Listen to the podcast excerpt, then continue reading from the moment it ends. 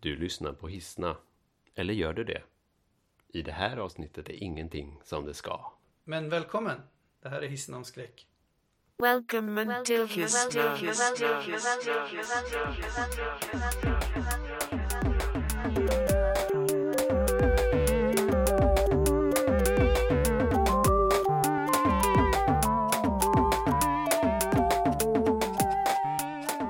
Hej och välkomna till avsnitt två av Hissna. Jag som pratar är Ossian Borén. Och med mig idag, precis som alla andra dagar, har vi Dev Kanal Fridén. Tjena, Välkommen. Tjena. Tack så mycket. Välkommen själv. Tack! Vi sitter i den numera officiella Hissna-soffan. Och vi är redo att prata om skräck Ja, idag. ja. På Ossians förslag så tog vi temat Halloween och skräck. Vi spelar in det här cirka en vecka efter självaste dagen Halloween, den 31 oktober. Det är nu den 9 november. Folk har hunnit se Stranger Things nya säsongen. Folk har hunnit klä ut sig i maskerad. Och vi kände att det här med skräck och monster och det kusliga inte riktigt går ur tiden. Så en vecka var ju väl det mot att ha någonting ständigt närvarande. Så det är veckans tema. Jag tröttnar ju aldrig på folk som klär ut sig i läskiga kläder. Mm. Eller mindre läskiga kläder.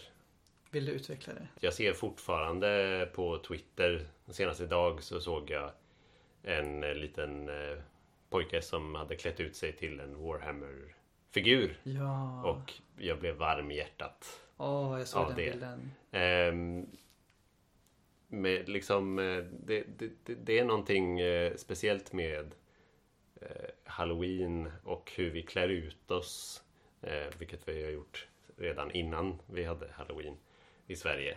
Ehm, men eh, jag tror att vi kommer in på det lite senare i avsnittet. Absolut, kanske. det är ingen brådska. Mm. Mm. Den gångna veckan så har vi spelat lite spel på temat. Jag har haft ett ögon öppet för nya skräckföreteelser som kommer i spel och i andra världar. Det är ju inte längre alla helgons dag som den gamla högtiden heter i Sverige eller halloween. Men det är fortfarande Alltså jag kan ju inte sluta tänka på skräckupplevelser. Senast idag hade jag en mardröm eh, för jag sov mitt på dagen, jag började jobba klockan sex. Och vaknade och var så här, shit, det här påminner om någonting i ett spel. Har du spelat oss igen spelet Silent Hills, eller demot som existerat på det? Det har jag faktiskt inte gjort. Alltså PT, mer känt som. Precis. Du får gärna berätta. Ja, ja, men det var en kort grej. Jag vet ju också det här med, men jag ska inte berätta så mycket om min dröm. Utan, för jag vet hur ointressant det kan vara. Mm. Man förlorar eh, ofta någon slags så här, grund att stå på när folk pratar om sina drömmar. För att helt plötsligt så är man i ett annat rum eller i ett annat land. Och man säger, men vänta nu, hur ska jag förstå? Men PT eh, och Silent Hills är en upplevelse som eh, förföljer mig lite grann. För att mer av den typen av eh, upplevelse upplevelser borde finnas i spel, eller film för den delen. Men eh, det är alltså en, eh, en liten demo som ingen riktigt visste vad det var när det kom. PT hette det bara.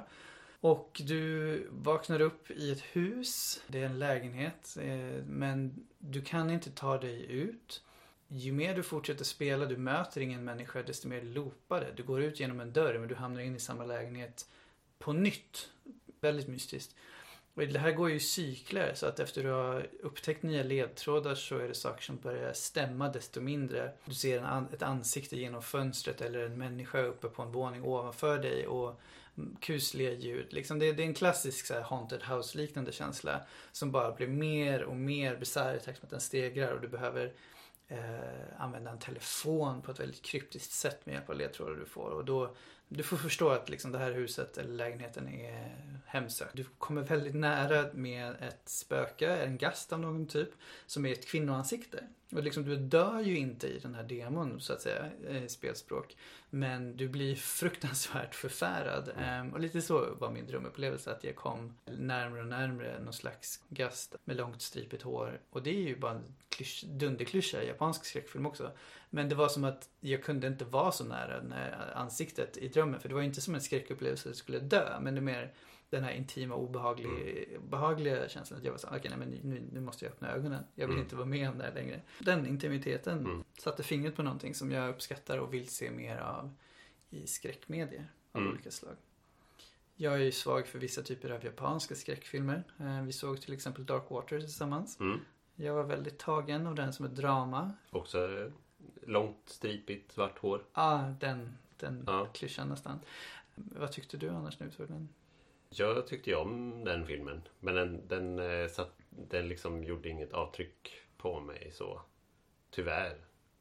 Men jag tror också att de, den sortens filmer, om man inte är dev, liksom, tror jag att det är den första filmen man ser av den typen. Med den här sortens eh, liten tjej med långt hår Ah, som du- du är läskig. Mm. Eh, jag tror att det är den första av den typen av filmer som, som man ser som är den som fastnar. För mig var det amerikanska versionen av The Ring. Eh, när jag väl såg den japanska versionen något år senare så var den inte alls lika stark. Det var en bra film, men Mm. den gjorde inte det eh, liksom rejäla intrycket som den amerikanska versionen gjorde. Mm. Vad tror du det beror på? För, jo, för att det är just att det är den första liksom. Ah, right. den figuren kan man säga, den liksom, det sortens, sortens spöke. Mm. Eh, den, eh, innan man har upplevt den så vet man inte hur, hur eh, kraftfull den är. Mm. Liksom. Ja, verkligen. Och det är nog eh, det är någonting där. Det finns ett Mm. begrepp på tyska, jag ska inte vara överdrivet eh, sökt, men uh, unheimlich, Mm. alltså det som du inte känner till. Eh, det är kanske det mest potenta liksom, just för att Mm. det är främmande. Och J-horror-vågen var ju främmande för många när den kom. Alltså med japanska skräckfilmer och alla de filmerna. Mm. Eh, One Missed Call, The Ring, Mm. Dark Water och Rubbet liksom. Det var ju, det var ju nya eh, ikoner för Mm. en västerländsk publik. Så jag förstår ju att det har en sprängkraft då. Men för att återgå till var, varför jag blev så tagen av det här med att komma nära liksom ett ansikte på någon utan att för den skulle vara vettskrämd. Det är ju för att om jag bryr mig om personen, som i min dröm eller som i vissa filmer som Dark Water, att man får en personlig relation till det, då blir det liksom desto mer under huden för mig personligen. Mm. Och den typen av rysarupplevelser är jag på jakt efter fortfarande. Så att Mm. om det är någon där ute som har den typen av, inte mysrysare, men liksom drama som är Mm. lika mycket personlig relation som här, ja shit det här är läskigt. Det här är skräckinjagande. Men det tangerar på gränsen mellan att vara en historia och att du inte egentligen vill se någonting illa hända. Mm. Det, sånt är jag på mer. Mm. The Shining lyckas väl med det där också. Fast den går ju all out Ja. rysare. Men, men det är fortfarande ett bra drama. Jag, Det är Mm. en genre jag vill se mer av i spel. Till exempel. Mm. Jag har fortfarande inte hittat så många spel som är där. Förutom Silent Hill. Eh, Mm. Och det kan vi prata om eh, tids nog. Silent Hill är då en av Japans mest uppskattade skräckserier. Som idag inte riktigt har en, ska man säga, En plattform? Eller? Nej, det är någon slags limbo där Mm. företaget själva, Konami då, de är intresserade av pachinko-maskiner, vilket är som en slags enarmade banditer, alltså avancerat hasardspel i Japan. Där du får ju inte vinna pengar, utan du, du stoppar in mynt eller poletter i de här maskinerna, så vinner du nya poletter. Och de kan ge dig priser. Och priserna kan ge dig pengar om du vet att du ska gå på en shady bakgata Mm. för att sälja dem. Liksom. Det är ett, en, en annan grej som det här företaget Konami sysslar med. Och så har de sportbarer kallas de, där du kan träna. Och så gör de sportspel som Fifa, eller inte Mm. Fifa, Pro Evolution Soccer gör de, eh, fotboll. Mm. Eh, men de är också ansvariga för den här älskade kultserien Silent Hill. Mm. Jag tänker ofta på Silent Hill också. Ja, det är, jag tror att det är svårt att inte göra det. Ja, Det här du nämnde i demot. Att man har liksom en plats som, som man upplever och man får en rumslighet över den Mm. platsen. Och sen så liksom vänds den upp och ner. Eller det liksom, I det här fallet det är små skiftningar. Till slut så, så märker man att det är inte alls som det ska. just det. Det är någonting som faktiskt är ganska unikt för Silent Hill-spelen. Mm. Hur bra de lyckas med det. Det är så jäkla obehagligt. Mm. Jag tror att den känslan av att nu är jag inte mm, säker. Alltså, jag, jag, jag, ofta när man spelar spel så kanske man inte är ute efter trygghet, vill ha ett äventyr eller så. Men eh, Silent Hill tar det till en helt annan nivå genom att Mm. Leverera någon slags falsk trygghet som den sen bara drar undan eh, under en Gud, ja. i, eh, i de här andra Silent Hill-spelen då, jag tror det är både ettan och tvåan och trean och säkert en del andra spin-offs och så, så har du en miljö som är kuslig men den är inte direkt farlig. Det kan finnas monster och sådär men den är mest liksom eh, som i en dröm kanske. I den kan man hitta andra människor och prata med dem och det kan vara till och med små skämt och sånt ibland. Men så går du in i en hiss och så ska du åka en våning ner men, men hissen åker liksom fem våningar ner. Du kommer ut på samma våning som du gick in på. Men du är i helvetet. Ja. Väggarna brinner eller pulserar med blod. Allting är rostigt som att den här världen liksom har, eh, vad ska man säga, visar sitt sanna ansikte Mm. kan man väl säga. Det är, man går från lite, lite falsk trygghet till någon typ av total liksom, ångest över själva platsen man är på.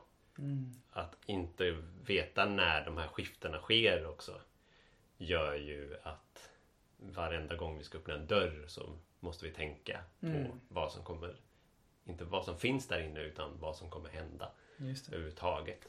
Ja, jag, jag håller nog Silent som ett av mina favoritgenrer av spel. Mm, det Eh, jag. Det är liksom trots massa saker. Ja, ja, men eller hur. Jag är så glad att du tar upp exemplet med en hiss också. Mm. Och det här med att visa sin, sin sanna ansikte. För det är verkligen som ett ångbad av obehag i vissa av de spelen. Mm. Det som får mig att bli glad när jag tänker på det är Mm. en kuslig effekt i det första Silent Hill som kom ut i Playstation 1 1999. I Europa i alla fall. Och då är du på ett övergivet sjukhus. Du, du är fortfarande lite i den här trygga delen av världen. Där du tror att saker kanske kommer kunna lösa sig och det är inte, inte överdrivet farligt eller så. Men våning efter våning så hittar du liksom väldigt lite ledtrådar. Du går in och du ser att så, ja, ja, det här är, jag får väl gå igenom dem våning för våning. Mm. Så du går in och du klickar på liksom tre våningar och så ja det var inget på andra våningen. Ja. Det måste ju finnas någonting, för- för det är ett tv-spel, man ska komma vidare liksom. Det måste ju finnas någonting mer. Så man kommer till den sista våningen och så går man in och man hittar lite små saker men ingenting som gjorde det värt att komma till den här, eh, det här sjukhuset liksom. Mm. Det är ingen människa alls kvar. Du, Harry Mason letar efter din dotter och det är bara dimma överallt. Så du går tillbaka in i hissen liksom och du tänker väl, ja jag får väl gå vidare. Men det finns en till knapp på hissen. Det Mm. finns en till våning. Mm. Så att det, jag, jag bara ryser när jag Mm. ser eh, eller tänker på det. Att Mm. världen är nästan som att säga, tja, du, vi ser dig. Eller Mm. vi är här och Ja. vi finns här för dig för att skrämma Mm. livet ur dig. Och det där med Unheimlich, att du inte kan lita på vad som finns framför dig. Eller Mm. du känner inte till reglerna för vad Mm. det är du håller på med. Det är full effekt där. Mm. Så helt plötsligt finns det en fjärde våning och det är där Mm. det finns saker Mm. med betydelse. Mm.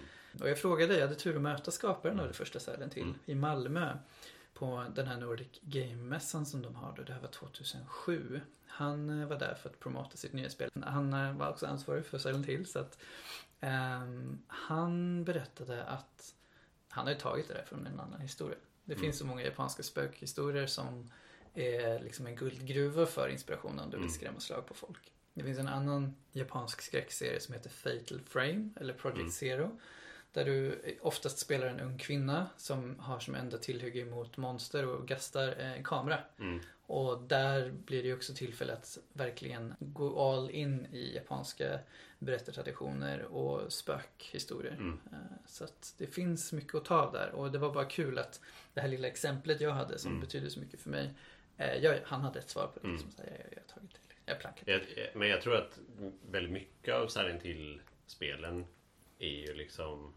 Alltså det, är- det, är en, det, är, det är en samling med referenser till Mm. andra verk. Det som gör det unikt är ju att det är ett spel. Ja. Eh, Det är ju en oerhört träffsäker, väl, väl regisserad, Mm. eh, oftast då, version av, av de här referenserna. Ja, gud ja.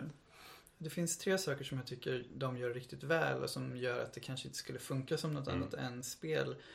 Eh, dels är det den här känslan av att världen är emot dig. Mm. Eller den kanske bjuder in dig först. Men mer och mer så upptäcker du hur lite du kan lita på att det du ser stämmer. Du Mm. kanske går ner i något slags gammalt fängelse. Och du går djupare och djupare Mm. ner i liksom vad som borde vara en avgrund. Men Mm. helt plötsligt så har du kommit upp vid ett annat ställe och du ska Mm. ro över en sjö. Mm. Det här är Silent Hill 2 som leker med Mm. ditt sinne och hur du uppfattar världen på fler sätt än Mm. ett. Och det är en slags masterclass i, Mm. i speldesign ofta. Mm. Du är inte alltid underhållen, det ska man ju säga. Nej. Spelet inleds med en två minuter trek, alltså du bara vandrar. Du kommer med din bil till ett, en parkeringsplats och så det, ska du hitta din fru som du har fått Mm. ett brev från. Du, du trodde att hon var död men nej, du ska träffa din fru. Och du bara vandrar i två minuter i Mm. dimma. Spelet latchar med dina förväntningar Mm. eh, enormt mycket. Det spelet har en berättartwist som vi inte ska spoila ju rakt ut men, men det faktum att Silent Hill låter dig spela den här berättelsen Mm. låter dig gå med på premissen, låter dig agera på ett sätt som, som du själv gör som spelare påverkar. Det, det är ingen mätare här, som visar hur god eller ond du är. Men spelet har en intern logik som visar hur ofta du tittar på ett fotografi av din döda Mm. fru. Hur ofta du tittar på en kniv som du har fått av en, eh, en självmordsbenägen kvinna i spelet. Det visar någonting om vad spelarens karaktär eh, James Sunderland skulle tänka på Mm. och då påverkar det hur spelet slutar. Så det har en berättarlogik som jag älskar och som jag inte tror skulle finnas Mm. i en film på samma sätt. Och det återanvänder de i ett till Silent Hill-spel som heter Silent Hill Shattered Memories. Har du kört det? Jag har spelat det lite grann. Ja, men det skulle jag rekommendera för Mm. många. Du har inte klarat det? Eller så? Jag har inte klarat det. Jag har spelat kanske två timmar av det. Okej. Och sånt där. Mm. Eh, bara liksom öppningen kan man Ja, säga. det. Men det förstår jag är en remake. Ja, det, det, är som, det, det, spel, det riffar på det Ja. första spelet, absolut. Du spelar också här en far som är på jakt efter sin Mm. dotter och det kan vara samma far som i första spelet, det är inte helt tydligt. Okej. Och spelet utgår från att göra en psykologisk profil på dig. Mm. Om att hur du spelar kommer påverka slutet. Och det, Mm. det sker på ett sätt som man inte riktigt förväntar Mm. sig. Man får reda på hur det är uppbyggt först i slutet. Och det är också ett spel som har en narrativ twist som, eller liksom en hook som jag inte skulle eh, tro funkar i, i film heller. Jag skulle Mm. rekommendera alla att gå ut och spela Silent Hill 2 eh, Shattered Memories bara för storyn för att de är tidlösa.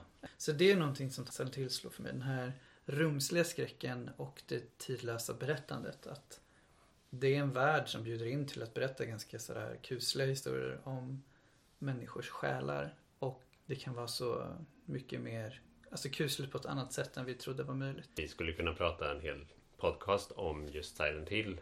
Men eh, jag tänker att jag, jag, jag flikar in lite Mm, med, mm, mm. med ett annat spel jag har Ja. spelat. Jag har spelat ett, ett relativt nytt spel. Stories Untold. Ja. Detta är ett eh, PC-spel som eh, spelas i första person framför en dator. Så att du sitter där vid din dator och sen så på skärmen så ser du en mycket äldre dator. Mm. Det är fyra episoder. Eh, Jag tänkte att jag bara pratar om den första för det, Ja. dels är det den jag har spelat.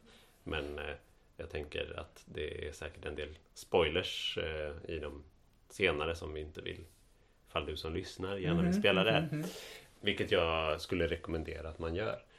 Det som, det som sker på den här datorn då är att man sitter framför ett textäventyr i, i liksom 80-talsstil. Mm. Så det ser ut som en liksom, du har den här grön text på svart bakgrund.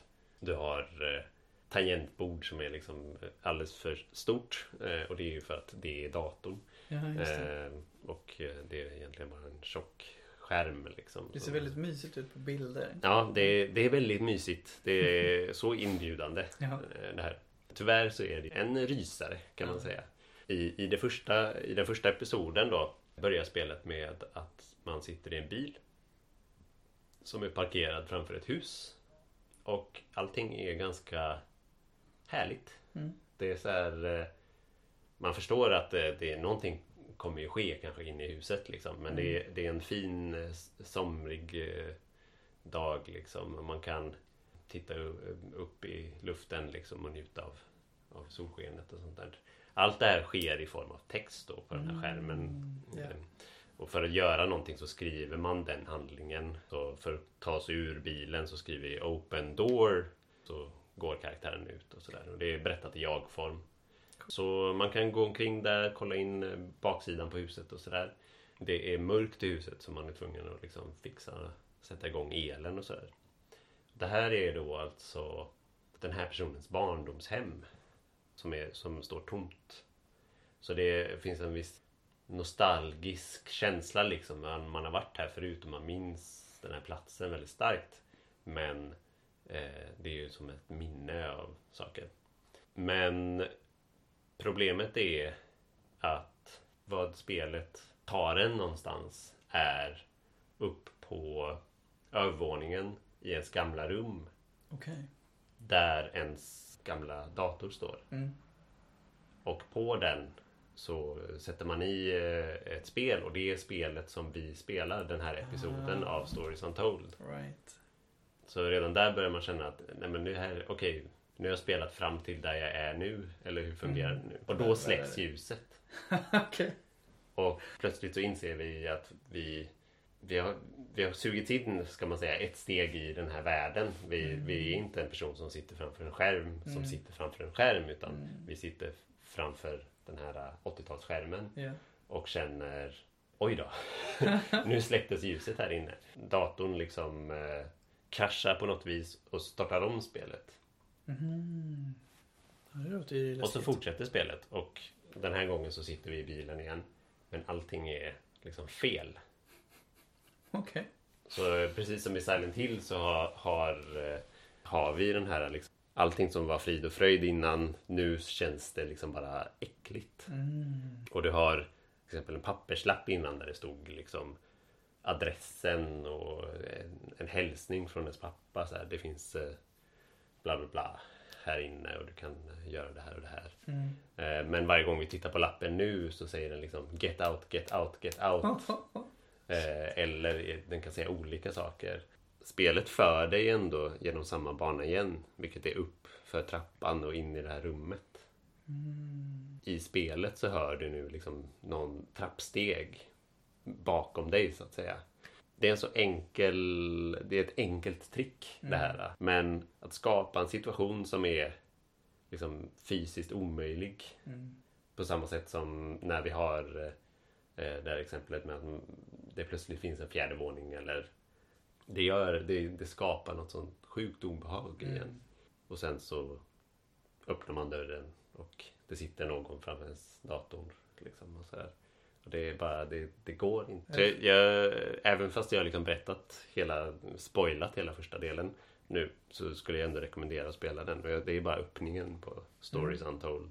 Så om, om man känner sig okej med eh, att kunna, alltså att spela ett spel i textversion och skriva in de här eh, Go to door, open door, look at note eh, och så vidare. Eh, då, då skulle jag verkligen rekommendera det. Mm. Och det är väldigt snyggt. Ett väldigt, alltså så här, för att vara så enkelt att man spelar textspel så är det oerhört snyggt. Mm, det Vi, vi får liksom en, på tal om Stranger Things liksom, Ja. så får vi i början av varje episod så är det lite så här tv-intro där vi ser Stories Untold, Episode 1 liksom. Kul. Eh, Jag leker med den genren mm. liksom. Det låter jättespännande. Jag är alltid lockad av saker som leker med den här rumsliga aspekten av Ja. eh, skräck och liksom medvet leker med ditt medvetande. Vad är det som egentligen pågår? Jag kan nämna lite kort att jag har spelat spel också. Mm. Jag drogs till det här spelet för att det hade väldigt fina animerade sekvenser. Det heter Count of Lucanor, eller Count of Lucanor. Och du börjar som en liten eh, fattig drängpojke, eller bondpojke. Din mamma försöker försörja dig och du bor på bondgården, har inte mycket alls. Och du har precis fyllt 10 och allting är presenterat i väldigt så här lågupplöst eh, pixelgrafik. På moderna konsoler och PC, men det, det är en, eh, typ av genre. Mm. Det ser ut lite grann som ett spel som heter Home eller ytterligare ett spel som heter The Last Door där de har Mm. liksom tagit den här pixelestetiken och jobbar väldigt mycket med stämning istället. Så att Mm, ljuden mm. kanske är moderna. Din känsla av hjälplöshet eller att du är inne i världen är ändå liksom total Mm. men eh, det skulle också kunna kommit för 25-30 år sedan spelets grafik. Så det vältrar sig i det som, som en eh, estetik. Men du, eh, du flyr från din mor och eller du säger att du, du vill upptäcka världen. Mm. Och så får du lite pengar, eh, du får lite att äta, lite bröd. Och så ger du dig ut. Och efter flera märkliga, märkliga händelser där du möter en... Eh, alltså du, du möter så konstiga människor. Du möter en tant som har en son med sig i koppel men, och sonen är är en gris. Så då ger du dem någonting att äta. ytterligare en man vill ha lite hjälp av dig så han får dina pengar. Och du har den här spellogiken att säga, ja, jag borde nog väl hjälpa, jag borde väl göra det goda Mm. som förväntas av mig. Jag gjorde det när jag spelade och liksom, man fick lite, ja, man fick lite belöning av det sen men det var också så, allting var så upp och nervänt. Så att innan du vet ordet av det så har du hängt med en slags fåraherde och somnat. Mm. Och när du vaknar till liv då är fåraherdens eh, huvud på en stubbe. Mm. Och fåren, eller getterna som det visar sig vara, eh, går på två ben och det är bara blod omkring dig och du förstår ingenting. Men Mm. välkommen till kvällssegmentet segmentet av det här spelet. Mm. Eh, lycka till med att överleva för Mm. getterna jagar dig på två ben. Och man säger vad hände? Och det Mm. är sen en slags dynamik som spelet leker med. För att du kommer, Mm. du flyr från de här getterna och du flyr till en fästning eller till en Mm. borg eller Mm. ett slott. Och där möter du en medhjälpare som är, ser ut som en blå liten djävul med stort leende. Han eh, flyger omkring i en röd kappa och säger att ja, många kommer hit och söker lyckan. Mm. Så att om du eh, vill träffa The Count Lucanor, eh, för det får man inte göra, då måste du också gissa hans namn. Och det är det spelet sen går ut på. Det låter som en väldigt enkel premiss där du går runt i konstiga rum. Jag gissar på att han heter Lucanor.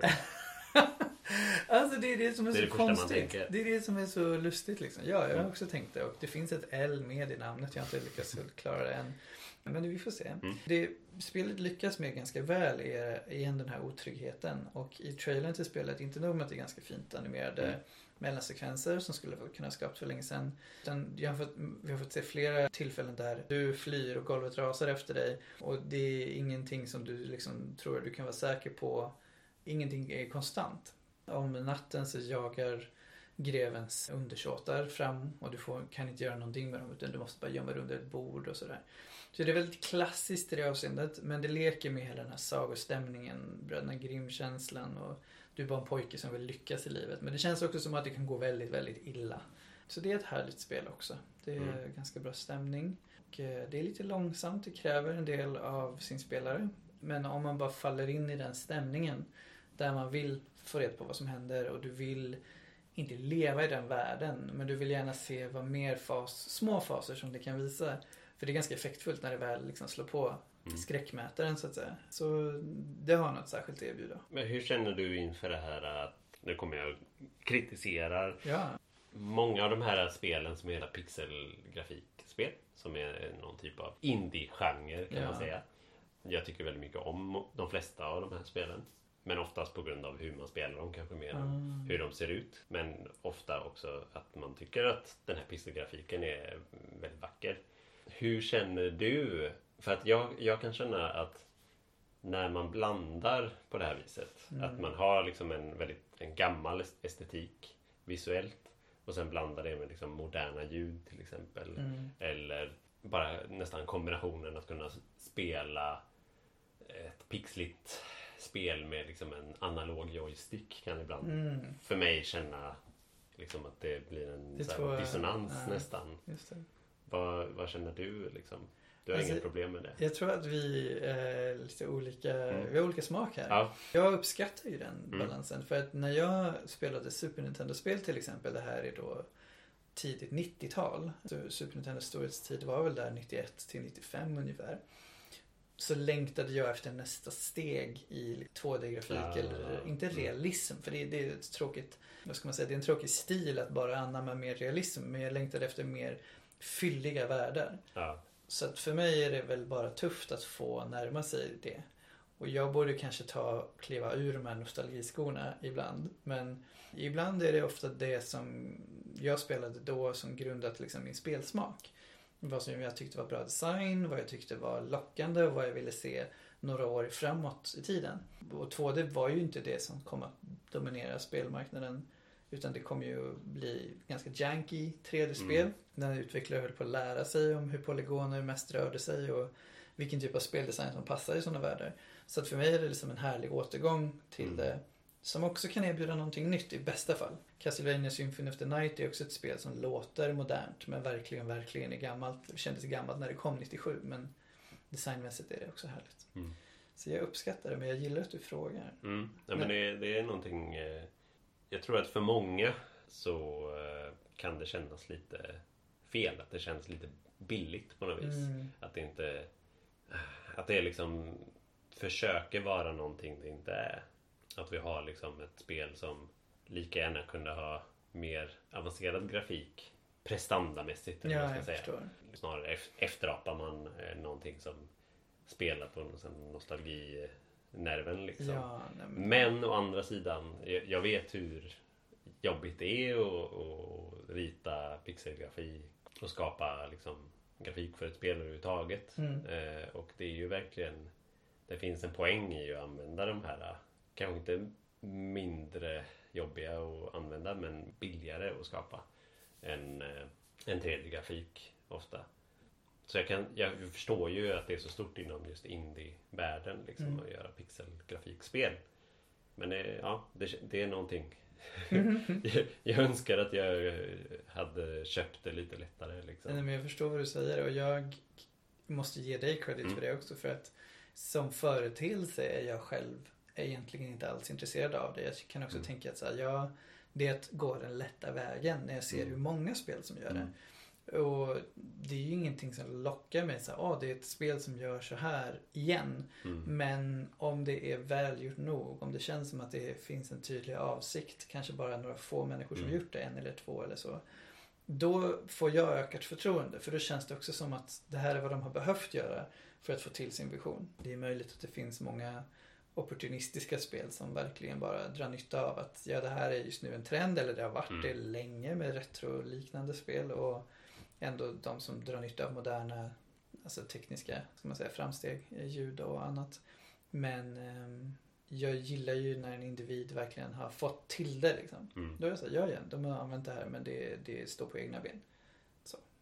Det finns ju numera några exempel på indie-spel med pixelgrafik som blivit Mm.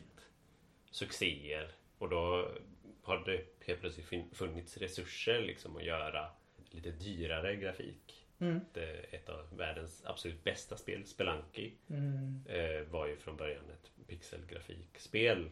Och sen så fick eh, han möjlighet att göra en Xbox-version Mm. då fanns det en liten budget att göra grafik. Då satt han ju och, och ritade för hand liksom. Och vi har eh, The Binding of Isaac. Hade en liknande eh, historia där. Just det, det börjar som ett flashspel va? Det började som ett flashspel eh, med liksom väldigt flashig eh, mm. grafik. Man, Simpel Ja. 2D-grafik. som sen gjorde grafiken åt andra hållet så att säga. De gjorde väldigt snygga, måste jag säga, eh, pixelgrafik. Som ett hantverk. Ja. Mm. eh, men där märker eller liksom så här, det blev ju så att säga mer högupplöst eller man ska säga i form av färg. Hur eh, bra de, Mm. den grafiken kändes. Och nu nyligen så har vi ju ett annat exempel, Nidhogg. Ja. Som eh, första spelet var liksom gud. försöker eh, efterlikna någon sån här spektrum eller något åt det hållet. Ah, hem- hemdatorer alltså, liksom. Ja, alltså inte 8-bit utan det är Nej. fyra färger. Typ. ja, innan Nintendo 8-bit. Ja, ehm, och det spelet var ju oerhört populärt och så nu har de släppt Nidhogg 2. Och då har de liksom helt gått åt andra hållet och gör eh, splashig, eh, Ja. någon typ av knark, eh, Ja. mutant grafik som får en att tänka på Knarkmutant. Ja men eh, vad, Ja, men heter de? Toxic. Avengers eller Ja, de nej, men jag är helt med dig. Jag var så Eh, förvånad när jag såg det. Ja, och det tycker ju jag är underbart. Så jag hoppas ju på att allt eftersom fler och fler indiespel går ifrån att vara från gatan indie Mm. till eh, lite mindre indie. Att vi får se exempel på mer intressanta grafikstilar Ja. eller estetiker. Ja, Liksom. nej, men jag håller med. Det, det, man kan inte gömma sig bakom, Mm. ja det är lite 16-bitar, det är lite Ja. 8-bitars grafik för, för evigt.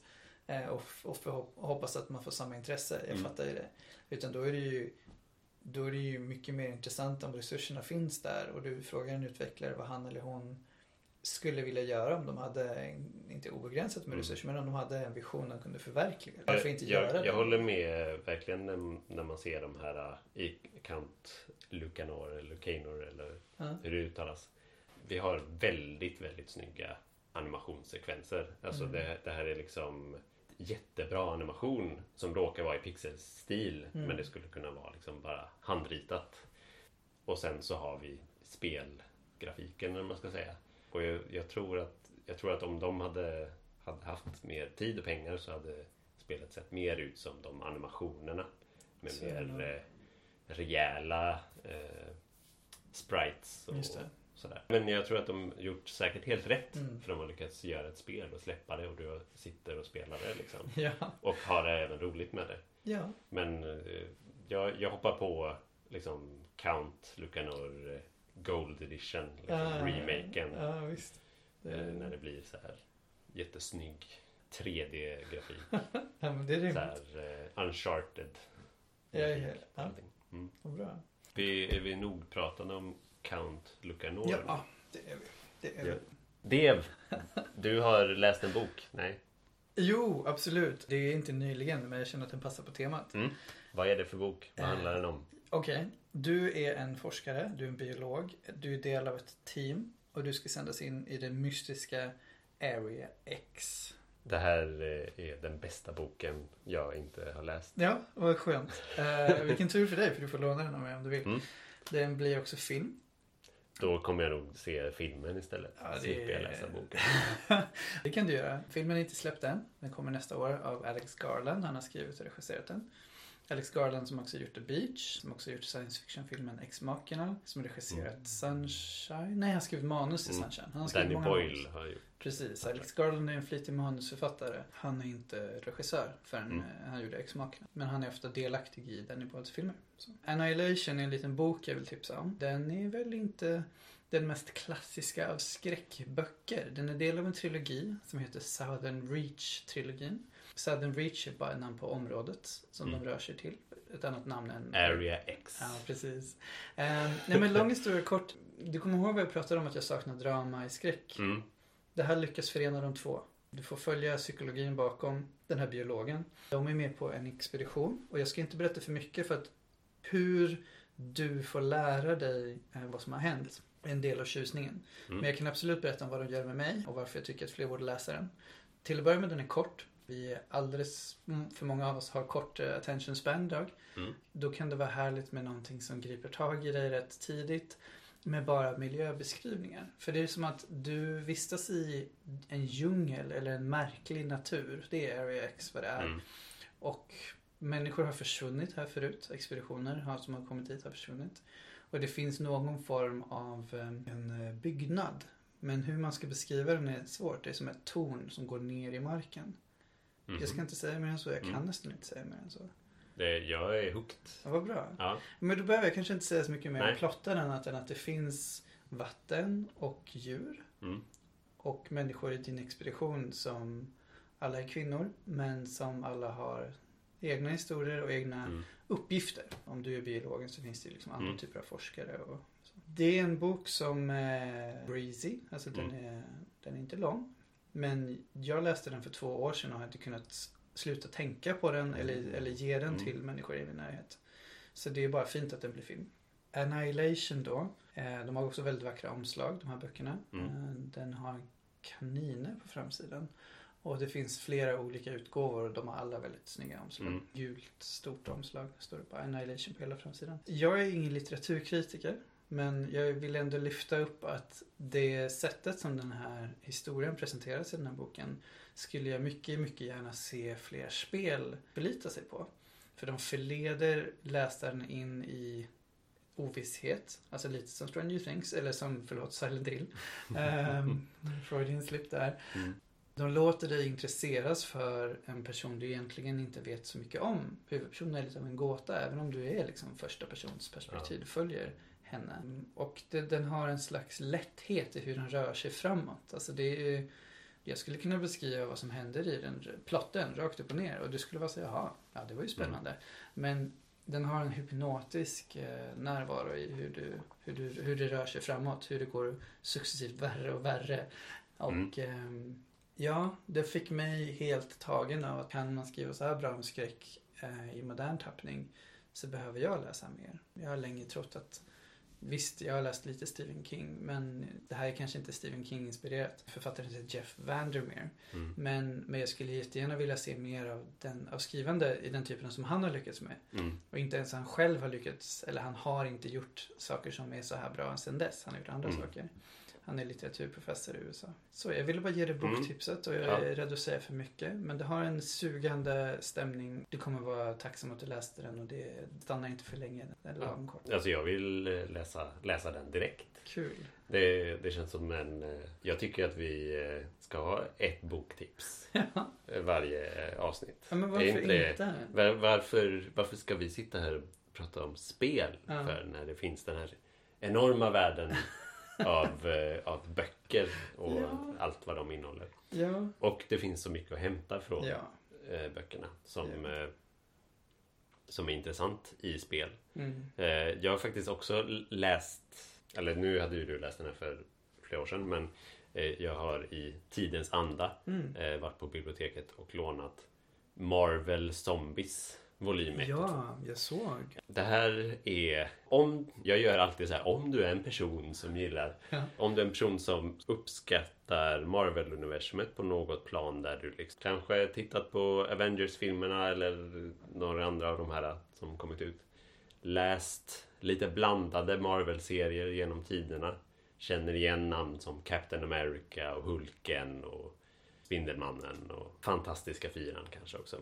Om du är en sån person som uppskattar det och också tycker om zombies så är det här liksom eh, på samma sätt som vi har eh, boktitlar som eh, Pride and Prejudice and Zombies så är det här liksom Marvel-universumet där alla är zombies. Det. Det är liksom Det är liksom lite av ett tankeexperiment.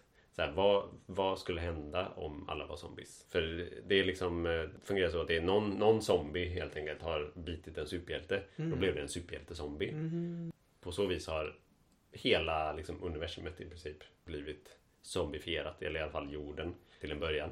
Men det går liksom ganska snabbt utför och Marvel-universumet är ju faktiskt eh, flera universum, flera dimensioner kan man säga. Och då är det här en av de dimensionerna där allt har gått åt helvete.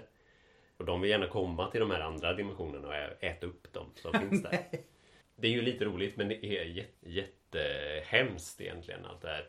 Spindelmannen, eh, Peter Parker, har ju sån ångest över att han har ätit upp kära Aunt May Åh. och eh, sin fru. liksom. Men eh, det var, de var gott. Det var gott. Ja, det var liksom. gott. Ganska snabbt så råkar de, alltså de äter upp Galactus som är en sån här kosmisk kraft egentligen som liksom kommer till jorden för att förstöra allting. Ja, så äter de upp Galactus. honom istället. Han är rätt stor och lilla Ja, typ. Ja, så sen kan de ju flyga runt i universum för de får ju förstås hans eh, kraft liksom. och Åh sådär. gud. Och det är, alltså det här ballar ur så snabbt. Det är liksom, that escalated quickly. The, the comic book.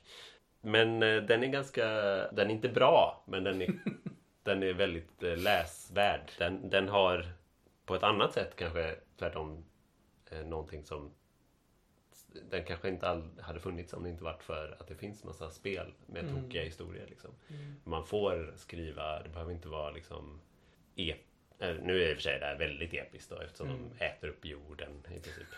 Men, men det behöver inte vara liksom berätt, berättandet behöver inte vara episkt. Nej, Det gillar jag verkligen med Marvel Zombies. kul. Jag har precis påbörjat volym 2 då. Jaha, Som, fortsätter. Utspelar sig 40 år senare. Oj. Då har de liksom ätit upp hela universum i princip. Eh, och tänker, ja okej vi får sticka tillbaka till jorden och försöka bygga en portal till en, någon av de andra dimensionerna. Ah, gud. Väl tillbaka på jorden så har ju några överlevare liksom försökt skapa eh, en, någon slags ny eh, civilisation. Ja, det är helt galet. Så ja, boktips. Verkligen. Marvel och zombies. Mm. Kul. Ja, jag var inte beredd på att det skulle vara lockande när du först nämnde det. Hade ni sett mig så hade ni sett att jag sa ah, zombies. Mm. Mm.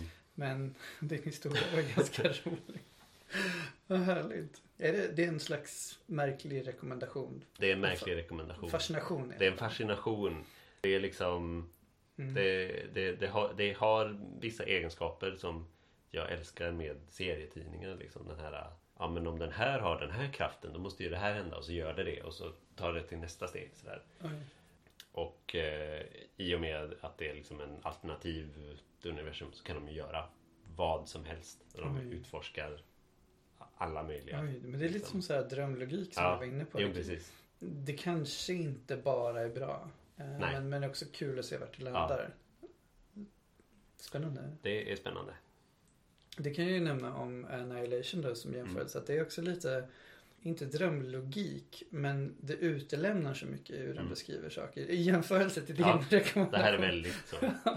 Nej men alltså författaren har sagt att han uppskattar Tove Jansson och hennes eh, Sommarboken. Där en Mm. liten flicka är med sin mormor på en skärgårdsö och liksom upplever livet på ett nytt sätt och de ser saker dö omkring sig. Mm. Och döden är närvarande i att liksom hen- hennes mormor kanske kommer dö någon gång. Och den känslan av liv och död finns med i den här boken även om det inte är uttalat alla gånger i Annihilation då. Och det är rätt häftigt att se hur det kryper på dig. Men du kan inte säga att du har läst det på sidan men du, har- du, du fylls av idéer, du fylls av en jävligt kuslig stämning. Mm.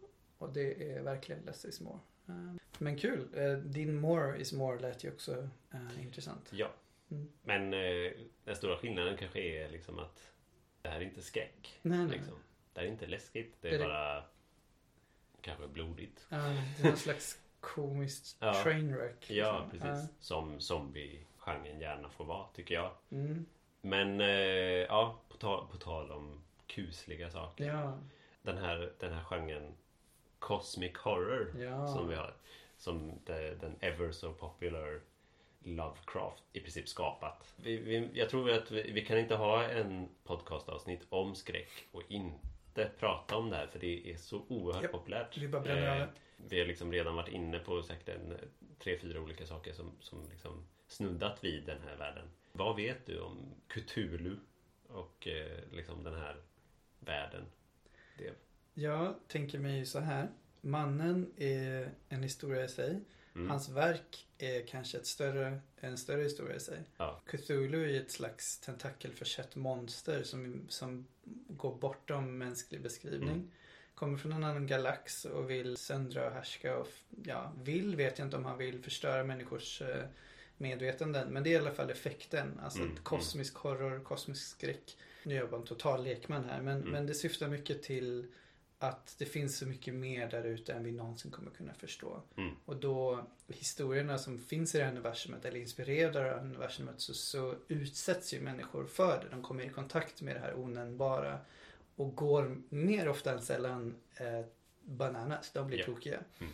Men det finns gott om utrymme för att utforska eh, ganska spännande möten med den typen av skräck. För att, för att besatthet är jävligt spännande att följa eh, om det är välskrivet. Och det är så många verk som är inspirerade av Cthulhu att liksom det, jag vet inte vart man ska börja.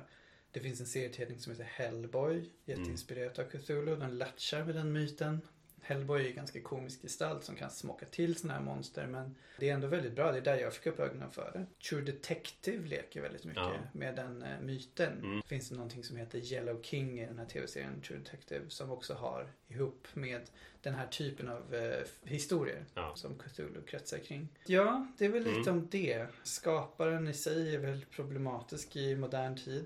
Han hade lite skumma åsikter, ras, Mm. tankar. Det är skönt att kunna klippa bort honom och författaren från hans verk Ja. så ofta man kan. Men det här är en stor debatt. Det finns Mm. awards, det finns liksom eh, pokaler eller priser som är döpta efter honom. Och många har ju velat ta avstånd ifrån det. Ja, ja. Alltså särskilt många people of eh, color liksom, Ja. som ändå vill verka inom science fiction fantasy klustret. Men inte behöva ta del av den här människans arv. Mm. det, det är en jättedebatt, vi har inte tid för att ta upp den här. Men, men även i spel så vill man ofta skilja sin skapare från verket. Det här blir ett exempel på att där, ja, du kommer alltid behöva veta vad skaparen håller på, höll Ja. på med eller hade för åsikter. Men, men han har lämnat efter sig ett sånt jävla superstoff ja. till kosmisk skräck. Det är väl bara en, en lite för långt Det är en, li- en litet intro. Sorry. Jag har kommit fram till ungefär samma sak. Mm. Jag, jag hade ingen som helst koll på Cthulhu Ja, för fem år sedan eller någonting. ja. Sen är det liksom, det, det är alltså, Cthulhu i sig att ta del av den här fandomen som ändå finns. Det är, som, det är lite som att gå med i en sån här Cthulhiansk eh, Lovecraftig sekt. Mm. En kult. Gud, ja. ju mer man vet desto mer besatt blir man Mm. och så vidare. Jag har ju eh, senaste året då spelat flera delar av ett kortspel som kom ut eh, för ganska exakt ett år sedan nu. Mhm. Det heter Arkham Horror, The Card Game. Mm. Eh, för er som är vana brädspelare så känner ni säkert igen namnet och kanske om man har läst andra eh, liksom Lovecraft-böcker och så, så kanske det namnet dyker upp. Jag vet inte, för jag har inte läst dem. Mm. Men eh, Arkham Horror, eh, brädspelet som det här bygger på då, eh, var ett eh, väldigt populärt brädspel. Där man eh, på, ett, jag tror det utspelar sig på 30-talet, är olika, olika människor som, som eh, liksom, de försöker lösa mysterier. Så som man ofta gjorde på det tidiga 1900-talet. Mm. Mysterier fanns och de behövde lösas. Mm. De här människorna liksom åker omkring eh, i, i eh, Arkham som är en stad och försöker få pejl på diverse hemskheter. Mm. Sakta men säkert så går ju allt åt helvete och det kommer något monster på slutet tror jag. Mm. Arkham Horror The Card Game delar eh, liksom samma värld eh, och har antagligen samma namn för just för att folk känner igen det. Mm.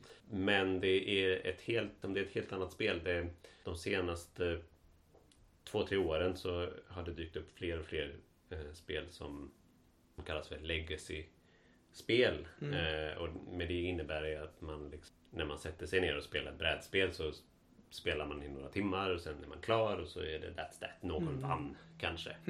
Men de här legacy-spelen är gjorda för att spelas med samma människor över en serie spelomgångar.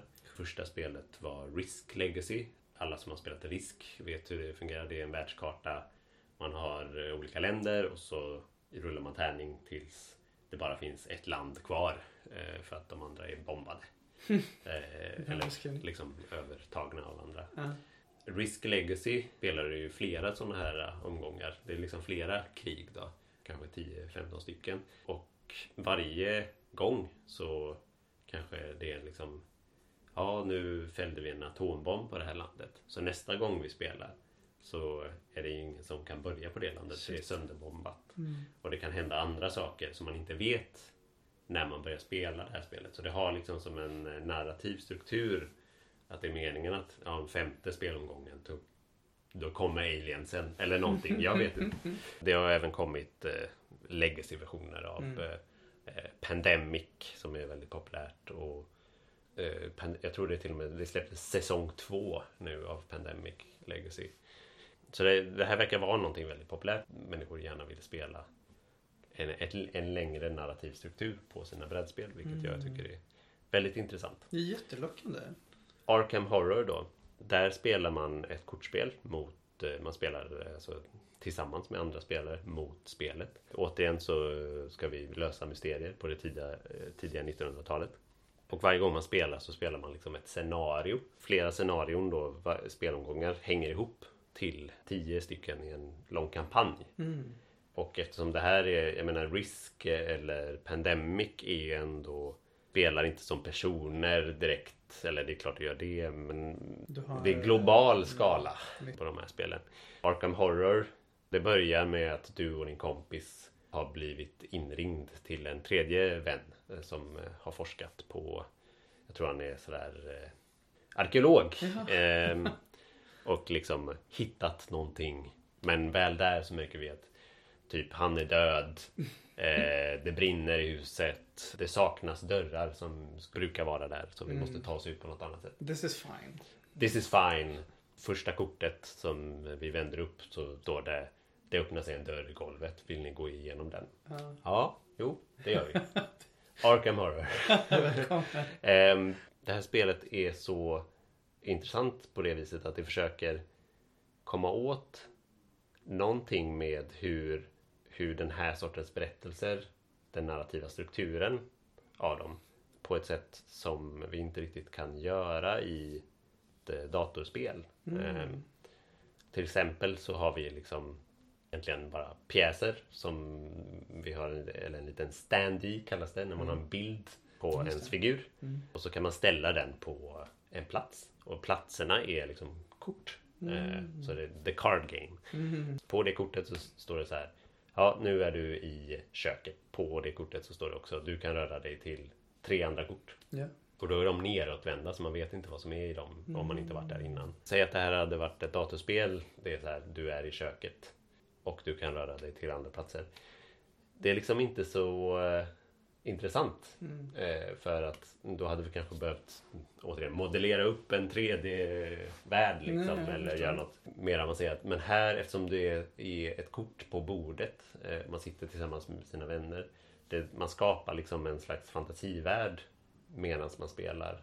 Man tänker sig hur det här köket ser ut och sådär, vad som händer i spelet. Jag älskar det. Eller jag, Mm. jag tror mig gilla tanken på Ja, sen så har du sådana här legacy-element som är till exempel man kan träffa på en karaktär, försöka övertala den att hänga med en, liksom hjälpa en.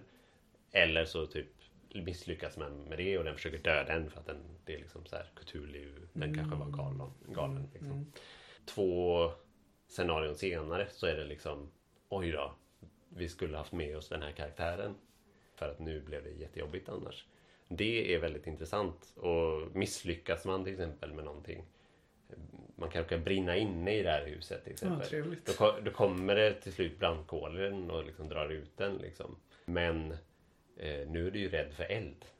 Så nästa gång du spelar så, så lägger man in ett kort i sin kortlek. Ja, Nästa gång du spelar då så, så är du rädd för eld. Och då lägger du in kort i din kortlek som är rädsla för eld. Nästa gång du drar det så kanske du plötsligt, fast du är liksom mitt i något annat scenario. Det är en regnig gata i Arkham eller någonting. Får liksom en, eh, någon typ av eh, PTSD-aktigt minne eller någonting när du drar det kortet. Och I like svimmar av eller vad, man, vad nu dåligt om man blir jagad av tentakelmonster till Mm, exempel. älskar att svimma där. Det här är ett så väldigt bra spel och jag rekommenderar alla att pröva det Mm. här spelet. Det är, kortspel och brädspel är ju verkligen inte någonting för alla. Särskilt det här spelet tillhör den typen som man kanske behöver vara lite erfaren av att spela andra kortspel av typen Magic eller Hearthstone eller man kanske ska gärna kanske spelat något av de här Arkham-brädspelen innan. Mansions of Madness är ett annat sånt eh, spel eh, i, i den serien kan man säga.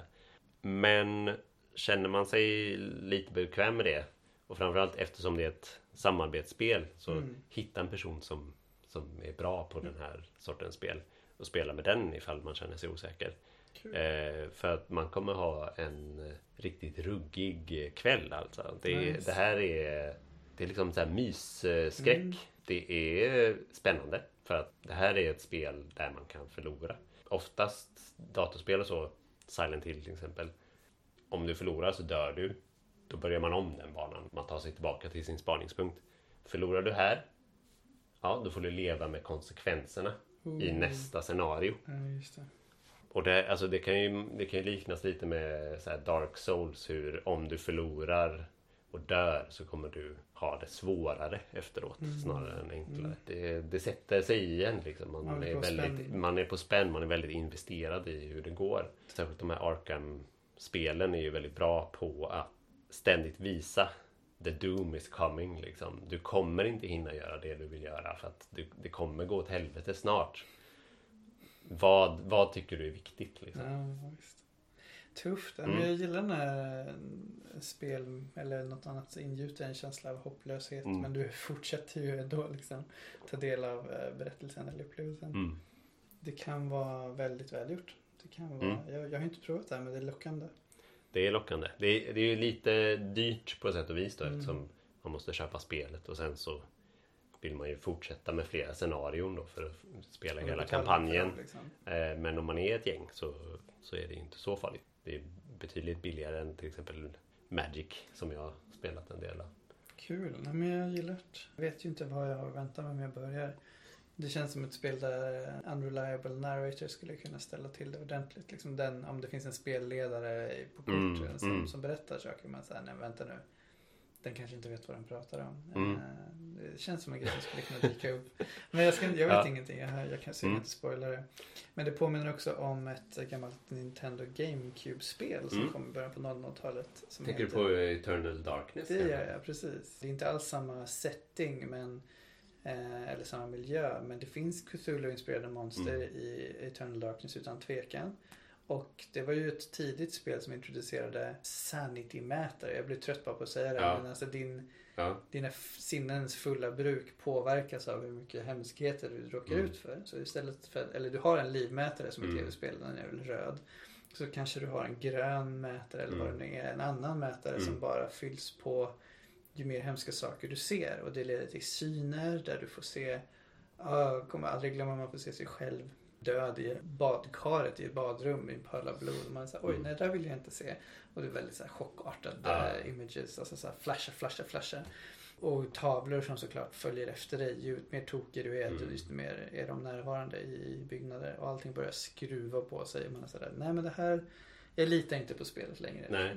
Så det låter kul att få upplevelser i textform. Och någonting som när du beskriver det låter som så här en eldstad och så sitter människor runt omkring och Ja. berättar historier lite grann. Mm. Ja men det är lite åt det hållet. Och det är väldigt mycket rollspelande. Mm. Jag tror det var typ andra scenariot vi spelade eller något sånt där. Skulle vi försöka leta efter en viss person. Senast vi hörde var att eh, den var brukade spela på ett eh, underground kasino i Okej. stan. Så vi drar ju dit. Grejen är den att nu har vi liksom Vi har riktig fara. Men det, det här är helt och hållet Det är liksom inget övernaturligt. Utan det här stället, stället är bara fullt av liksom thugs. Mm. Det är maffian liksom. Och om vi börjar säga att vi är detektiver och luskade grejer. Då kommer vi liksom bli utsparkade eller värre. Ja. Så vi liksom bara låtsas att vi är där och, och spelar och dricker och sådär. Bara det att det kommer ju förstås hända någonting. Såklart. Och jag säger inte vad. Men eh, några väldigt intressanta saker är att man dels kan fuska i, när, i det här scenariot. Man kan när som helst när man liksom gör spelets version av ett tärningslag. Man drar, man drar brickor ur en, Mm. ur en påse och hoppas att man inte dör. man kan när som helst eh, fuska. Mm. Säga nej men jag, jag drog en, en bra. Eh, bara det att då noterar man att man har fuskat till senare. Okej. De säger inte vad som, vilka konsekvenser det här får men det kan ju vara någonting alltså i ett senare scenario till och med. Oj. Som är liksom, ja du är en fuskare. Eh, Och en annan sån eh, är att man kan gå till baren och eh, beställa en drink. Det har klara konsekvenser på det sättet att när man sitter i baren så kan man få ledtrådar från bartendern. Mhm. Men det är ju också det här Det här är liksom det här universat och eh, om de misstänker att man är liksom någon slags detektiv eller så Kanske blandar ner något i drinken, jag vet Oh. inte. Ja, ja. Sådär. Det är så snyggt för det, det är rollspelande. Det är Ja. inte, alltså, såhär, så om, det, om det är så att det inte spelar någon som helst roll att man fuskar eller så. Mm. Då sitter man ändå där och liksom, ja, skulle jag, ja okej, ja men jag, jag fuskar. Och sen Ja. så då står man fast vid det och måste liksom fortsätta spela Ja, det med det valet. Det har han i- hållhake på liksom. Ja. Mm. det, är- ja, det är starkt. Kul, jag blev väldigt nyfiken. Ja. Dessutom på tal om det här med sanity, Ja, sanity-mätare så är det någonting som alla Arkham-spelen har. de har det. De har en, en, en livmätare och en sanity-mätare. Mm, ja, men cool. Det, det verkar, det kanske är hämtat från Return of Darkness till och med. Vem vet? Ja, jag vet inte. Nu hör vi glassbilen. Ja, den kanske är utsmyckad i halloweenkläder. Ja. Ja, men vad tufft Oskar. Mm. Tack för tipset. För det var ett tips. Det, det, det är definitivt ett tips. Jag skulle rekommendera som sagt Mm. eh, att man prövar Arkham Horror, The Card Game. Eh, I någon form. Tufft. Även, eh, alltså det är ju ett kampanjspel. Liksom man kan spela flera. Men eh, det räcker med en gång liksom, för att ha roligt. Man behöver inte sätta sig in i hela spelet. Mm. Men tufft, för det, um, det fyller ett behov som jag har haft sedan jag började lära Mm. mig gilla brädspel eller kortspel. Jag är ju fortfarande en novis men jag vet kanske mer vad jag gillar. Mycket Mm. tack vare dig som Mm. har visat mig olika rymdspel i kortform och annat på Mm. Café-taktik.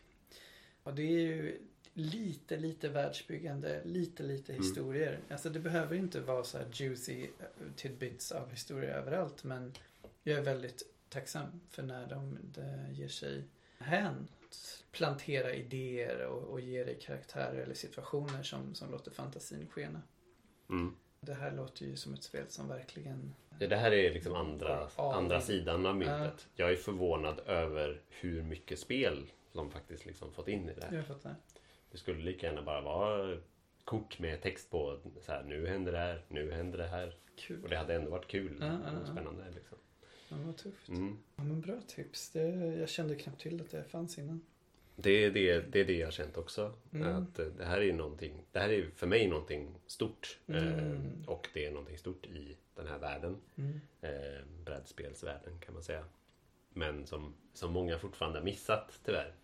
Så jag, jag, hoppas att det, jag hoppas också att det här är någon, alltså någonting som sprider sig in i, i tv-spelsvärlden.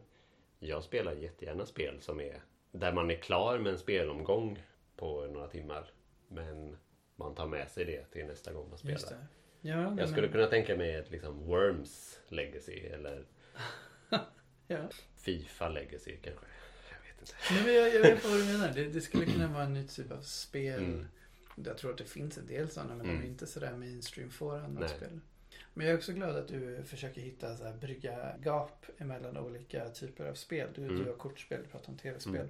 Vi såg en film för inte så länge sedan. Skulle vilja låta fler medier, till exempel spel, inspireras av den typen av film. Mm. Vet du vilken film jag tänker på? Nej. Nej? Eh, jag tänker på Tell me. Suspiria. Suspiria, ja såklart. Ja. Mm. Vill du berätta vad du Eh, minns av Suspiria? ja, Suspiria är, den är från 60-talet? Nej. Någonstans där, mitten av 1900-talet är vi. Det är en, en italiensk film, den är dock på engelska. Vissa karaktärer är dubbade. Det. Eh, det handlar om en kvinna som eh, ska börja på en ballettakademi i eh, en stad i Tyskland. Ja. Hon landar där på flygplatsen och så går hon ut ur flygplatsen. Och då plötsligt så är vi i Suspiria-världen. Mm. Det ösregnar och eh, hon försöker fixa en taxi och åka till det här stället. Väl, väl där så säger de nej, nej, du får inte, du vet ingenting om eh, någon ny elev Nej. på den här akademin. Så nu måste åka iväg någon annanstans och bo. Och just då så råkar hon se en kvinna som springer ut härifrån som eh, är det någon, blod på kläderna eller? Var det det? Nej. Det är något, inget eh. Det är någonting som känns fel i alla fall. Ja, hon känns. Och eh, hon springer därifrån, hon är, hon är rädd. Springer till, till ett annat hus och ber om att få övernatta hos en vän. Men eh, det kommer någonting genom fönstret Ja, och dödar henne Jaha. jätteilla. Brutalt. Eh, och det här är ju det är liksom så här, det är billiga effekter. Gammaldags på sätt och vis men det är så snyggt. Det är liksom, blod i den här filmen är den rödaste röd. Ja, ja, verkligen. Det, är en, det är en snygg film Mm. framförallt. Skulle jag säga. Extremt ja, ja, utsökt att titta på verkligen. Mm. Ja, men det var en ganska bra början eh, Ja. på filmen. Det Ossian pratar om med färger är ju ganska... Dels är det Dario Argento och hans team av eh, alltså mäster, mästerscenografer Mm. och, och människor som fått till den här looken. Men det är också att de har valt att filma på Technicolor har jag lärt mig. Mm. Det är ju ett medium som redan när, det, när filmen spelades in var lite gammalmodigt. Mm. Så det har ju en superfantasifull prägel hela filmen. Och Mm. när någonting hemskt händer så har du ändå, eller jag vet inte vad regissörens avsikt var, men jag upplevde en liten distans till det. Att det kusligaste i filmen var ju kanske de gånger de fick höra den här musiken som, som väser och mässar. Ja. Och sen så kom ju någonting blodigt och det var så här, ja men där skedde det. Det var ju kanske inte den här typen av gore som kan göra en illa till mots i modern sammanhang. För det fanns hela tiden den där färgexplosionen och ja, det var så eh, expressivt. Så att det, det var en Mm. förtjänst. Otrolig film. Jag Ja. önskar jag hade sett den tidigare. Nu, nu får jag ju musiken i huvudet bara jag tänker på den. Det är ju det här bandet Goblin, eller The Goblins som, Mm. som de av någon anledning kallas i filmen. Jättelustigt. De gör ju otroligt tuff musik. Man kanske inte vill lyssna på den varje dag till jobbet eller till plugget men där och då så bidrar den till den här hypnosen som man Mm. drabbas av. Vi den på Det, den är också. liksom lätt eh, psykedelisk. Ja, här, eh, gud. Klockspel Ja. väsande röster och Alltså det är fan, det är så bra. Och jag så väl vävd in i filmen som den är, tror jag är riktigt svårt. Jag vet att Wes Craven, nej förlåt, John Carpenter. Han har ju bra musik som Mm. katten till sina filmer, men han gör ju filmen själv så han kan ju styra vilken typ av musik han kan skapa eftersom han är musiker också. Mm. Så han lyckas ju med ögonblick i sina filmer tycker jag. Som, där musiken och filmen sitter ihop. Ja. Men det är fan konst alltså. Men det finns en scen i Suspiria där eh, vår hjältinna då från USA, utbytesstudenten, går i en korridor. Hon går alldeles själv, de andra eleverna har gått för- framför henne och det sitter en husa liksom, eller en, en kokerska. Och hon polerar någonting vasst, ser ut som ett litet svärd. Men man vet inte varför hon skulle polera det. Eller en stor kniv i alla fall. Och den blänker till i eh, ljuset, jag tror att det är solljus. Och musiken bara mässar och stegrar och du hör hur någon röst liksom väs skriker Witch. Just det. Det är... Häxa! Precis. Och vi förstår kanske inte där och då vad det betyder men vi är helt inne på att den här rollen, huvudpersonen, hon blir jävligt påverkad av vad som nu än händer. Om hon blir för, förtrollad eller, eller bara är yr av Ja. någon anledning. Men musiken gör att vi försätts i hennes kläder så väl. Mm. Och, och, och den här nästan sagolika drömska stämningen. Man är helt förtrollad av det. Mm, nej, mer sånt. gärna. Mm. Väldigt, väldigt fina ögonblick, väldigt bra färger, musik to die for. Det loopar ju den filmen. Man, man får ju det på känn att när någonting hemskt är på väg att hända då är den här musiken Ja. där och, och mässar. Mm, Mm. Nej, jag- jag hade gärna spelat ett spel i Suspiria-världen mm, mm. Med den estetik. Nästan det närmsta jag kan tänka mig är, gud vad heter han, The Killer is Dead. Sudagoichi. Ja, precis. Eller Suda 51. Ja. 61. Det är, kul, 51, det är kul för att Som han också kallar sig. hans namn är så dumt. Men Ja. ja, absolut. Han har ju liksom den här rakt på estetiken i, eh, vad heter den här första, Killer 7. Just det. Där man eh, är en, eh, en man spelar som en, en mördare som har Mm. sju personligheter. Mm. Eh, och så ska man mörda. Eh, det här är ett väldigt artsy-fartsy spel på sätt och vis. Men det är också väldigt rakt på. Man kan skjuta saker. Då så kommer det liksom, det sprutar röda pixlar. Liksom. Ja. Det, det här är inte, återigen, det är inte gory. Nej. Utan det är, liksom, det är bara överdrivet. Det är så här hyperblod. Ja, ja men verkligen. Du målar liksom scenerna. Du Mm. gör scenen mer intressant genom att du faktiskt skjuter någon. Mm. Spelet kan vara lite kala ytor av Mm. grått.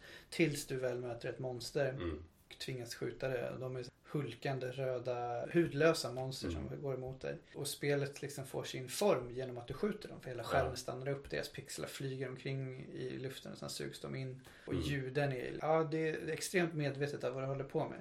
Skriken av ett monster är först ett skratt. Just det. Ja, fan vad de skrattar jag vill. Och sen så skriker de. Men det är inte som att de lider. Det är som att bara de Nej. vill nästan bli skjutna. Ja. du vigs in i någon annan Mm. alternativ verklighet. Det är sant. Det var ett Det- bra exempel. Jag har inte jag, tänkt jag på tror det. att det, var, det är det närmsta vi kan hitta i alla fall. Ja, faktiskt. Det tog verkligen risker det spelet. Mm. Det kom 2005 där du Mm. spelade den här Det är ett annat... kontrakterade Eh, yrkesmördaren. pratat om två GameCube-spel.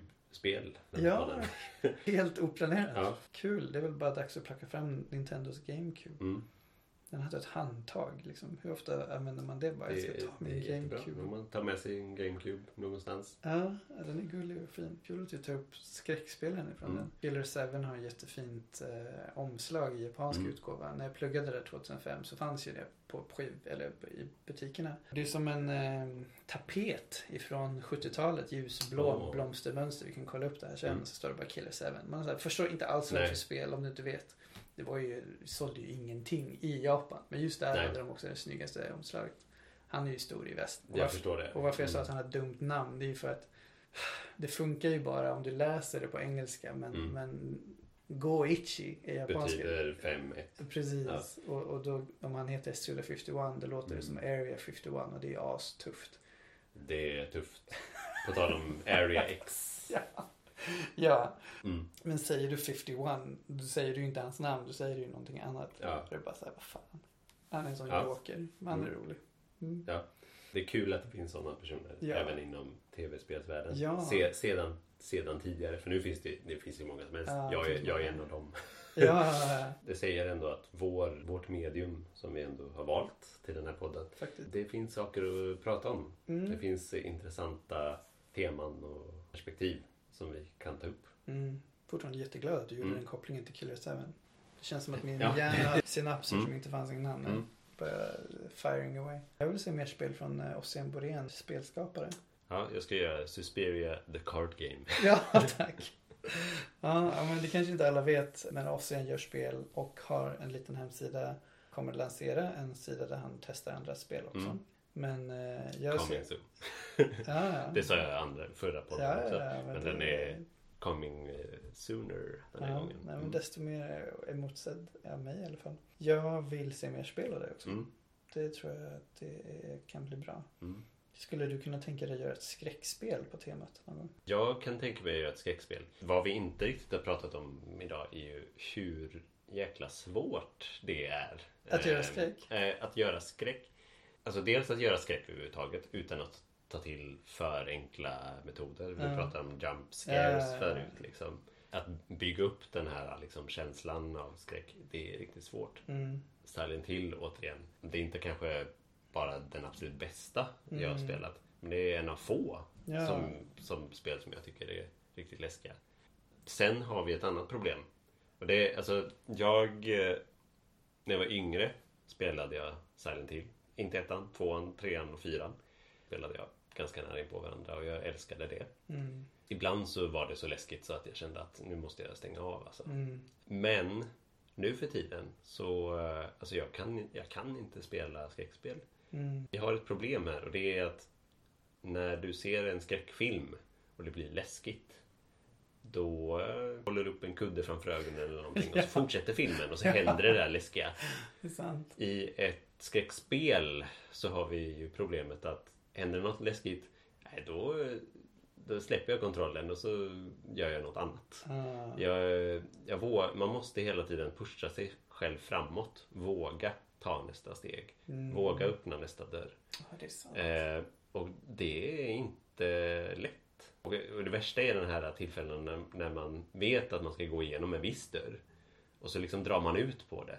Man, eh, ah, jag ska bara kolla i det här skåpet först. Och se, ah, nej, det var också tomt. Och så eh, står man plötsligt där och bara, ah, nej, jag måste gå igenom det. Ja. Och det, det här är ju någonting som finns i många spel. Vi har liksom spel där man har den här dörren till bossen och bara nej, ah, det, jag kommer inte klara bossen. Liksom.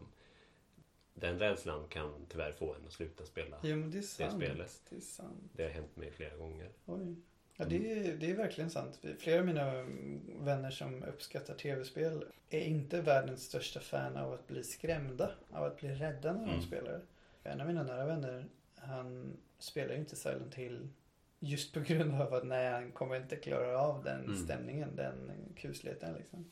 Så det är ju att gå miste om någonting, men då kan Mm. jag ju uppskatta musiken, vilket är väl spritt ändå. Mm. Kira Yamaoka som har gjort musiken till tvåan, och, eller till alla spel, Mm. de första fyra i alla fall. Han är ju känd för det. Mm. Så det går ju att uppskatta. Du kan ju uppskatta tematiken om du läser, om du ser bilder och videos ändå. Men ja, nej, spelare förblir någonting som vissa går miste om helt enkelt. Det som du säger, man kan ju inte se någon annan. Man kan se någon annan spela, det kan man göra, men det är inte- det är inte att spela det på samma sätt. Nej. När jag gick i gymnasiet så var jag tillsammans med någon och vi hade en vän över så vi spelade Silent Hill 1 på det viset. Mm. Att jag höll i kontrollen och de bidrog med pussellösning och vi liksom upp, delade upplevelsen. Men det var ändå jag som blev mest skrämd. Jag tror Ja. jag frågade dem någon gång och de bara nej vi var inte så skrämda. Och jag bara "Ha, nej det var väl bara jag då. Och Ja. då var det jag som också tvingades ta mig framåt. Det, Ja. det är faktiskt ett ganska bra sätt att uppleva ett skräckspel Jag ändå. det. Att vara ett gäng och eh, spela det tillsammans. Men då tycker jag att alla i sällskapet ska vara beredda på att få hålla i kontrollen vid något tillfälle. Ja? Eh, och hjälpa hela gruppen framåt. Det, det hör till.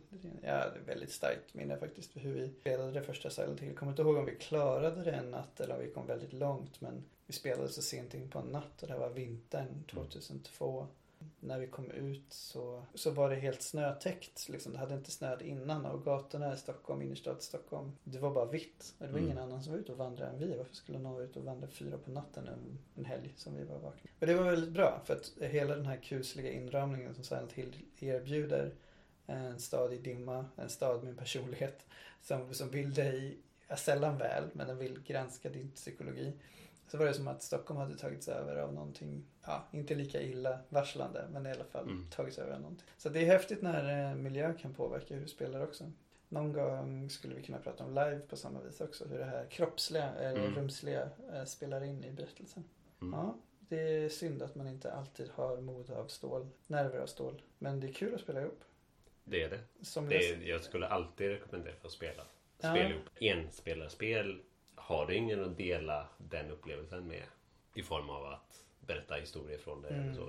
Det blir inte lika roligt. Nej, Det är ju därför många spelar spel tror jag liksom på releasen. För att man känner att man har ett sam... ja, någon typ av Någon- de- delad Ja, eh, en delad upplevelse Ja, med många andra. verkligen. Kul att eh, du nämnde det ändå. Jag önskar jag hade någon bra fix på det. Men... eh, Men jag tror, jag tror på det här. mm, Eh, om du ska spela ett läskigt spel, mm, bring a friend ja, som också kan spela. Bring two. Ja, precis. Som också kan spela. Det bra. Det känns som en bra ställe att runda av kanske. Det tycker jag nog med, också. med, med eh, det tipset. Ja, Vi kan också summera att vi gärna vill att du som lyssnar, om du inte har, har spelat följande spel, gärna kan titta på och spela Silent Hill 2 som är kanske ett av de absolut bästa spelen Ah. som finns. Stories Untold. mm, Titta på det, se om det är något för dig. mm, Count Lucanor just det. och Arkham Horror, The Card Game, Ja, som du inte hittar på Steam utan Ja. i verkligheten. precis. Älskade verkligheten. Mm. Och boken Annihilation. Ja, Annihilation av Jeff Vandermeer. Jeff Vandermeer. Kommer på bio i början av 2018 med eh, Natalie Portman i huvudrollen. Ifall ni inte gillar papper som med böcker med text. Jag gillar ju Natalie Portman. Fan. Det blir nog den. den filmen. Okej. Låna Kanske både och. Jag Ska man säga ja, ja, boken var bättre. Nej, jag tror båda är bra. Det ser väldigt spännande ut. Ja, nej, men det, är, det är ett gäng rekommendationer. Det är, det är ett jättebra ställe Mm. att avrunda på. Mm. Tack för att du som lyssnade varit Mm. med oss idag. Jag Tusen hoppas tack. att du hade en lite lätt kuslig stund med oss. Precis. Eh, nästa gång så blir det säkert inte lika kusligt. Vi har Nej. inte ännu bestämt vad vi ska prata om. Har du som lyssnar ett tips på, eller ett tycker att vi ska prata om någonting särskilt i en kommande podd, hör av dig till oss. Numera så finns vi på många olika forum. Social Eh, media. The social media är vi på. Ja. Vi finns på Facebook. Där heter vi Hisna Radio. Vi heter även Hisna Radio på Twitter. Eventuellt så har vi också ett Instagram-konto på gång. Med lite sån här behind the scenes och sånt där. Mhm. Det går också att nå oss på e-mail. Då är det, Hisnaradio gmail.com är vår elektroniska postadress. ja. Glöm inte att vi har en jättefin webbsida. Hisna.se. Du kanske lyssnar på det här avsnittet genom den webbsidan. Men om det är så att du lyssnar på till exempel iTunes så skulle vi jättemycket uppskatta en sån här fem stjärnor. För att om man har det så blir det lättare för andra att hitta vår podd helt enkelt. Ja. Och det uppskattar ju de som hittar oss helt enkelt. ja, det är super tasty om ni känner att ni vill göra det. Vill ni Mm. inte göra det så är det också tasty. Ja, Men vi kan bjuda på någon surprise. Vi kan bjuda tillbaka Ja. på någonting om vi Mm. lyckas med det. Det är sånt där man får tampas med när man Ja. vill synas.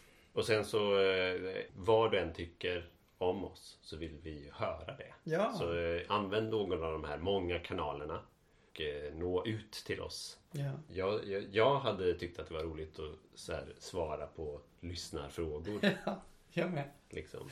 Elektronisk post är så Ossian, vad har du på dig för t-shirt idag? Jo, jag har en, en t-shirt som är inspirerad tror jag av eh, lite Stranger Things men också jag vill, jag vill, eh, jag vill säga ensam hemma. Ja, Det står Not Alone på den. det är väldigt stilig. Mm. Glittrar. Sånt. Mm. Mm. It's good. Nej men verkligen, tack ni som har lyssnat så här långt på skräckavsnittet. Det är, kan vara läge att runda av. Vi, eh, eller vi har rundat av, men Mm. kan läge att säga hej då. Vi kommer ju åter i nästa avsnitt, kanske med ett soligare ämne. Vi kommer säga hej då nu. Parting is a sweet sorrow, det är bara trevligt. Och så blir det någonting nytt i nästa, nästa, nästa vecka. Bye! Tack!